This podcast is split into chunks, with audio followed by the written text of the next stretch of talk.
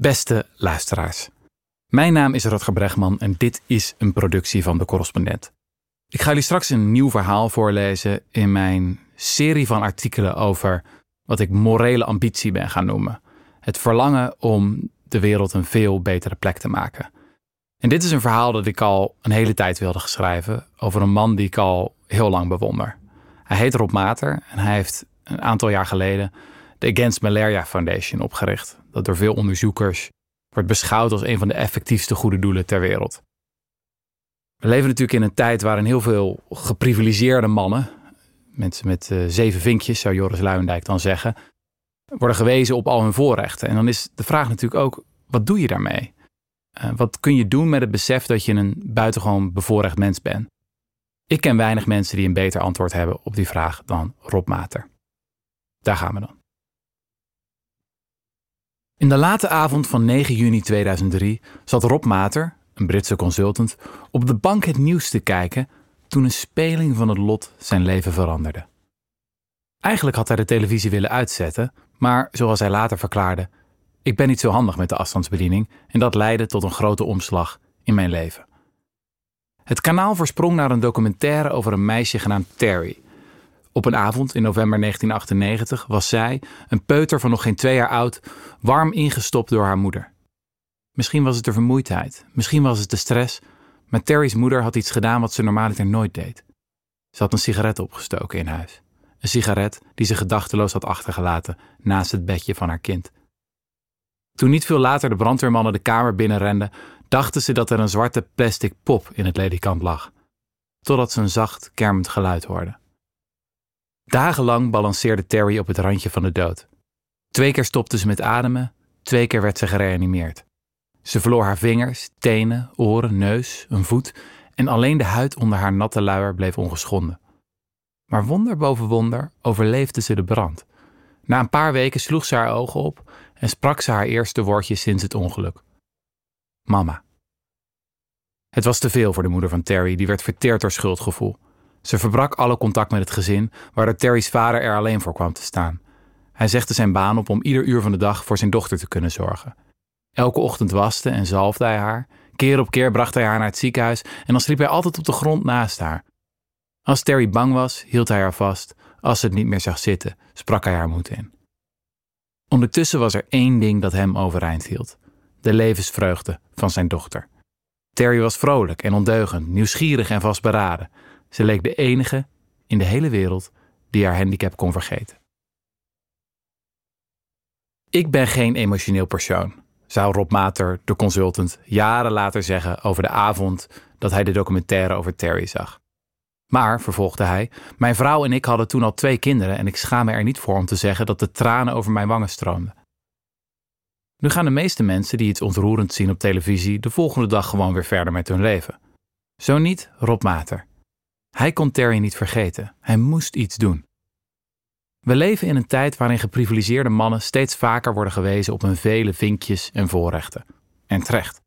Maar de vervolgvraag is: what's next? Wat kun je doen met het besef dat je een buitengewoon bevoorrecht mens bent? Ik ken weinig mensen die een beter antwoord hebben op die vraag dan Rob Mater.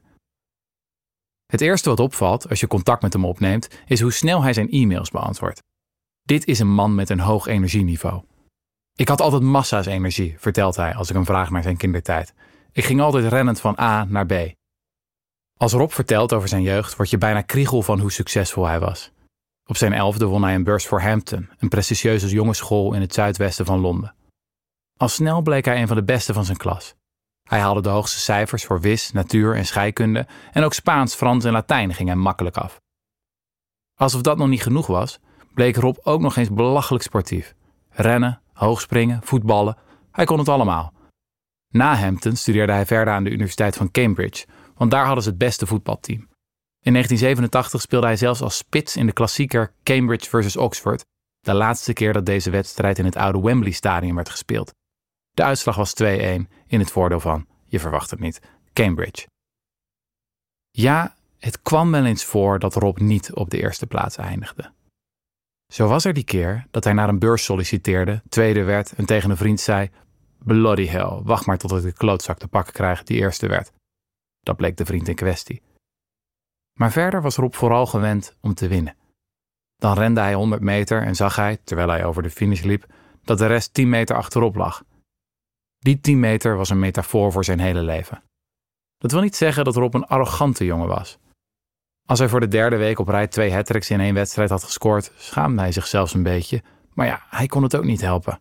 Hij vond het gewoon leuk om het onderste uit de kant te halen. Of, zoals zijn grootvader altijd zei, concentreer je op je breiwerk, dan volgen de resultaten later wel. Als ik Rob vraag naar het moeilijkste moment in zijn jeugd, is het even stil. Dat is een interessante, begint hij aarzelend. Ik zou bijna willen zeggen dat ik geen moeilijke momenten heb gehad. Wat volgde was een al even succesvolle carrière. Eerst vier jaar in Italië als consultant voor een groot Amerikaans bedrijf, ieder weekend skiën. Daarna twee jaar Harvard Business School. It was brilliant, absolutely loved it, zegt Rob. Vervolgens kreeg hij de kans om mede-eigenaar te worden van een bedrijf dat beurzen organiseerde. Na drie jaar vond hij dat de tent niet snel genoeg groeide en ging hij aan de slag als manager bij een van de grootste mediabedrijven ter wereld. Hier leerde Rob pas echt de betekenis van geld verdienen. Het bedrijf had 46 divisies met 1400 werknemers over de hele wereld. Sommige divisies hadden een winstmarge van 5%, andere van 20%. De taak van Rob? Uitzoeken wat de 5%ers moesten doen om ook 20%ers te worden. Dat ging hem uitstekend af. Ieder kwartaal werd er meer winst gemaakt en Rob had een leuke winstdeling in zijn contract. Dus, wat hebben we tot dusver? Een topleerling die overal de beste in was, een topstudent die aan Cambridge en Harvard studeerde, een toptalent dat binnenliep als consultant en manager. Dit klinkt misschien als heel wat, maar laten we wel zijn. Er was eigenlijk niet zoveel bijzonders aan Rob Mater. Hij was succesvol volgens de conventionele maatstaven van succes. Hij was een geprivilegeerd cliché, met zijn zorgeloze jeugd en glansrijke carrière. Er zijn zoveel van dit soort mensen en de meesten leven gewoon hun voorspelbare leventje. Begrijp me niet verkeerd. Ik luisterde gefascineerd terwijl Rob anderhalf uur lang vertelde over de eerste helft van zijn carrière. Maar dat was vooral omdat ik wist wat er daarna kwam. Toen Rob Mater wakker werd op 10 juni 2003, wist hij nog niet dat zijn leven een totaal andere kant op zou gaan. Hij was al een tijdje op zoek naar een nieuwe uitdaging, maar kon nu alleen aan die kleine Terry denken.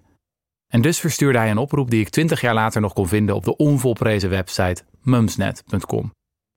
De titel Little girl suffered 90% burns. Charity swim? Email help? Rob had een idee. Hij wilde geld ophalen voor Terry en had twee vrienden gevraagd voor een sponsorzwemtocht van 35 kilometer.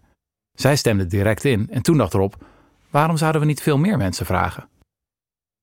Een paar maanden later deden 10.000 mensen uit 73 landen mee aan meer dan 150 zwempartijen. Er werd geld opgehaald in Fiji en Canada, Vietnam en Spanje, Tonga en China. En oh ja, op een eiland in het midden van de Atlantische Oceaan deden acht kadetten van de Royal Air Force ook mee aan de Swim for Terry. Wat zullen we volgend jaar doen? vroeg een van de deelnemers aan Rob.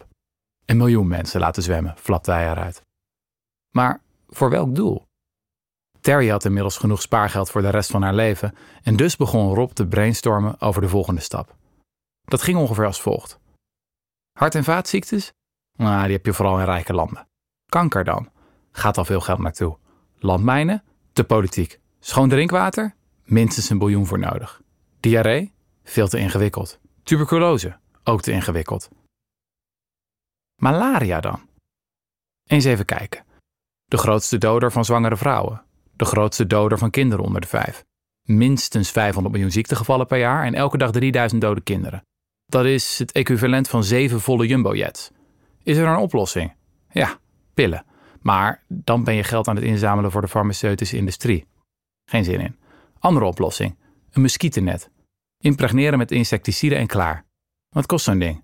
Een paar dollar. Dit klinkt simpel. Ik hou van simpel. Werkt het ook? Bloody hell, waarom gaat hier niet veel meer geld naartoe? Rob pleegde een paar telefoontjes naar malaria-experts en begreep pas snel dat dit een absolute no-brainer was. De wereld deed veel te weinig aan muskietenbestrijding. In 2004 werden slechts 5 miljoen klamboes met houdbare insecticiden gedistribueerd. En dat terwijl grondig wetenschappelijk onderzoek uitwees dat je met een paar honderd klamboes al een kinderleven kon redden. Zo ontstond het idee voor de World Swim Against Malaria.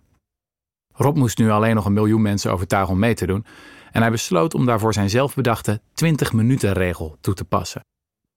Hij vertelt: Ik daag mezelf vaak uit door te denken: als ik dit wil bereiken, hoe zou ik dat dan doen in 20 minuten? In dit geval leek het antwoord simpel. Hij begon met 20 telefoontjes naar 20 vreemden en vroeg ieder van hen om 5000 zwemmers te leveren. Als dat zou lukken, had hij er al 100.000, wat een mooie springplank zou zijn om de miljoen te bereiken. Het is simpel, zei Rob. Als we zwemmen, redden we levens. Als we niet zwemmen, redden we geen levens. Dus laten we zwemmen. Toen Rob en zijn team de 100.000 hadden aangetikt, brachten ze een bezoek aan een miljardenfonds in Genève. Beseffen jullie wel dat jullie de grootste anti-malaria-beweging ter wereld zijn? zeiden ze daar. Rob reageerde verbaasd. Wil je beweren dat een rondje bellen vanuit mijn achterkamer in Londen de grootste beweging tegen de grootste moordenaar van kinderen op gang heeft gebracht? Het antwoord was ja. In 2005 deden meer dan 250.000 mensen uit 130 landen mee aan de World Swim Against Malaria. De Times sprak van de grootste liefdadigheidsplons in de geschiedenis. Maar dit was nog maar het begin. Aanvankelijk was Rob van plan geweest om weer aan de slag te gaan als manager. Hij kreeg nog een lucratief aanbod om directeur te worden van een groot kippenbedrijf. Maar de gedachte om de komende jaren te besteden aan het verkopen van dode kippen klonk ineens wel erg treurig. Bovendien had hij net de Against Malaria Foundation opgericht voor het verdelen van de sponsorgelden. Kon hij daar niet mee verder? In het bedrijfsleven had Rob geleerd dat verandering maar al te vaak een kwestie is van omvallende dominostenen. Je hoeft alleen maar uit te vinden hoe de lijnen lopen om vervolgens het eerste steentje om te duwen. Rob was een ster in het vinden van die eerste steentjes, waardoor zijn anti-malaria-leger al maar verder groeide. Keer op keer paste hij zijn 20-minuten-regel toe, wat meestal betekende dat hij zoveel mogelijk telefoontjes pleegde in zo min mogelijk tijd. Dit was misschien wel het belangrijkste ingrediënt van zijn succes. Rob is nooit bang geweest om anderen om hulp te vragen. Al gaat het om volslagen vreemden. Het gevolg? De Against Malaria Foundation heeft nooit een cent uitgegeven aan de boekhouding, de website of juridische hulp, want dat wordt allemaal pro bono geleverd. Toen Rob vier vertalers zocht om de website in het Duits beschikbaar te maken, stuurde hij 48 mailtjes en kreeg hij 44 positieve reacties binnen 24 uur. Ik had de website elf keer gratis kunnen laten vertalen, lacht hij. Je wil een gat in de lucht springen en mensen zoenen als dat gebeurt. Tegelijkertijd is Rob ronduit cynisch over de goede doelensector. Over het gebrek aan transparantie, het gebrek aan verantwoording en het gebrek aan rigoureuze evaluatie. Juist daarom wil hij iedere donateur precies laten zien wat er gebeurt met het geld en voortdurend monitoren of de klamboes hun bestemming bereiken. Op de website van de stichting wordt iedere donatie geregistreerd en kun je iedere klamboe volgen. Want vertrouwen is goed, maar data zijn beter. Al die tijd heeft Rob nooit een podium voor zichzelf gezocht. Dit is de eerste keer dat hij, op mijn verzoek, uitgebreid vertelt over zijn leven. Als directeur van de Against Malaria Foundation heeft hij sowieso nooit iets uitgegeven aan marketing en alle focus gelegd op het bouwen van een zo efficiënt mogelijke operatie. Het resultaat? De Against Malaria Foundation is een van de beste goede doelen ter wereld. Het is de FC Barcelona van de filantropie. Uit grondige economische analyses blijkt dat de stichting een van de meest kosteneffectieve doelen is in het redden van mensenlevens. Op het moment van schrijven heeft ze bijna een half miljard dollar opgehaald en meer dan 200 miljoen klamboes voor 400 miljoen mensen gedistribueerd. Daarmee heeft ze een kolossale bijdrage geleverd aan de wereldwijde strijd tegen malaria. Wat begon met een fundraiser voor de kleine Terry, eindigde in een operatie die volgens een conservatieve schatting maar liefst 100.000 levens heeft gered. En counting. Wat was er gebeurd als Rob die avond in 2003 op een ander knopje van zijn afstandsbediening had gedrukt? Hij vermoedt dat hij dan gewoon manager van een middelgroot bedrijf was gebleven.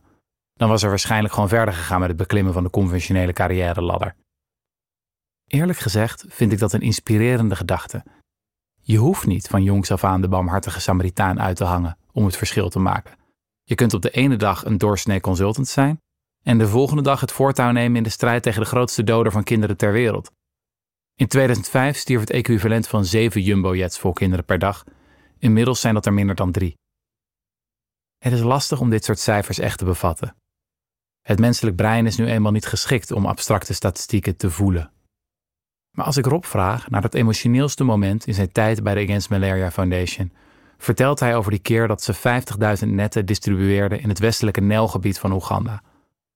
Op een dag belde Rob met een lokale medewerker van het Rode Kruis, die zei: We hebben hier een van de dorpshoofden op kantoor, hij wil je graag spreken. Rob kende de cijfers van deze regio. In de voorgaande maanden waren er 357 gevallen van malaria geregistreerd en dat in een dorp met 700 inwoners. Twee jongetjes waren overleden.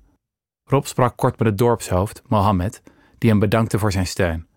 Vanuit zijn thuiskantoor in Londen antwoordde Rob dat ze bij de Against Malaria Foundation blij waren om te mogen helpen, ook al waren ze duizenden kilometers van elkaar verwijderd.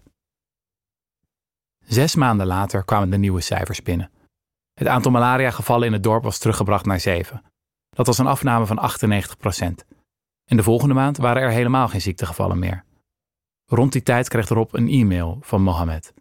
Het dorpshoofd had zes mijl gelopen om de post van het Rode Kruis te bereiken, waar hij een kort bericht had gedicteerd. Mr. Rob, malaria no longer exists in our village. Mohammed. Als Rob me vertelt over deze e-mail, gebeurt hetzelfde als twintig jaar eerder, toen hij de documentaire zag over de kleine Terry. De tranen springen hem in de ogen. Ik moet denken aan een uitspraak van de filosoof Bertrand Russell. Het kenmerk van een beschaafd mens, zou die ooit hebben gezegd, is het vermogen om te kijken naar een tabel met cijfers en te huilen. Het is de missie van de correspondent om voorbij de waan van de dag te gaan. Onze correspondenten voorzien het nieuws van context en schrijven over de grote thema's van deze tijd. De correspondent geeft me de vrijheid om mijn nieuwsgierigheid te volgen en de tijd om verhalen te schrijven. En zo probeer ik onzichtbare structuren zichtbaar te maken en een andere kijk te bieden op debatten die het nieuws domineren. Dan gaat het minder over het spelletje en veel meer over wat er op het spel staat. Vanaf dag 1 zijn onze artikelen, boeken en podcasts gefinancierd door onze leden. Volg ons op onze journalistieke zoektocht. Overweeg eens lid te worden van de correspondent. En maak daarmee samen met ruim 70.000 anderen onze onafhankelijke journalistiek mogelijk. Dus word lid van de correspondent. Ja. Word lid. Word lid.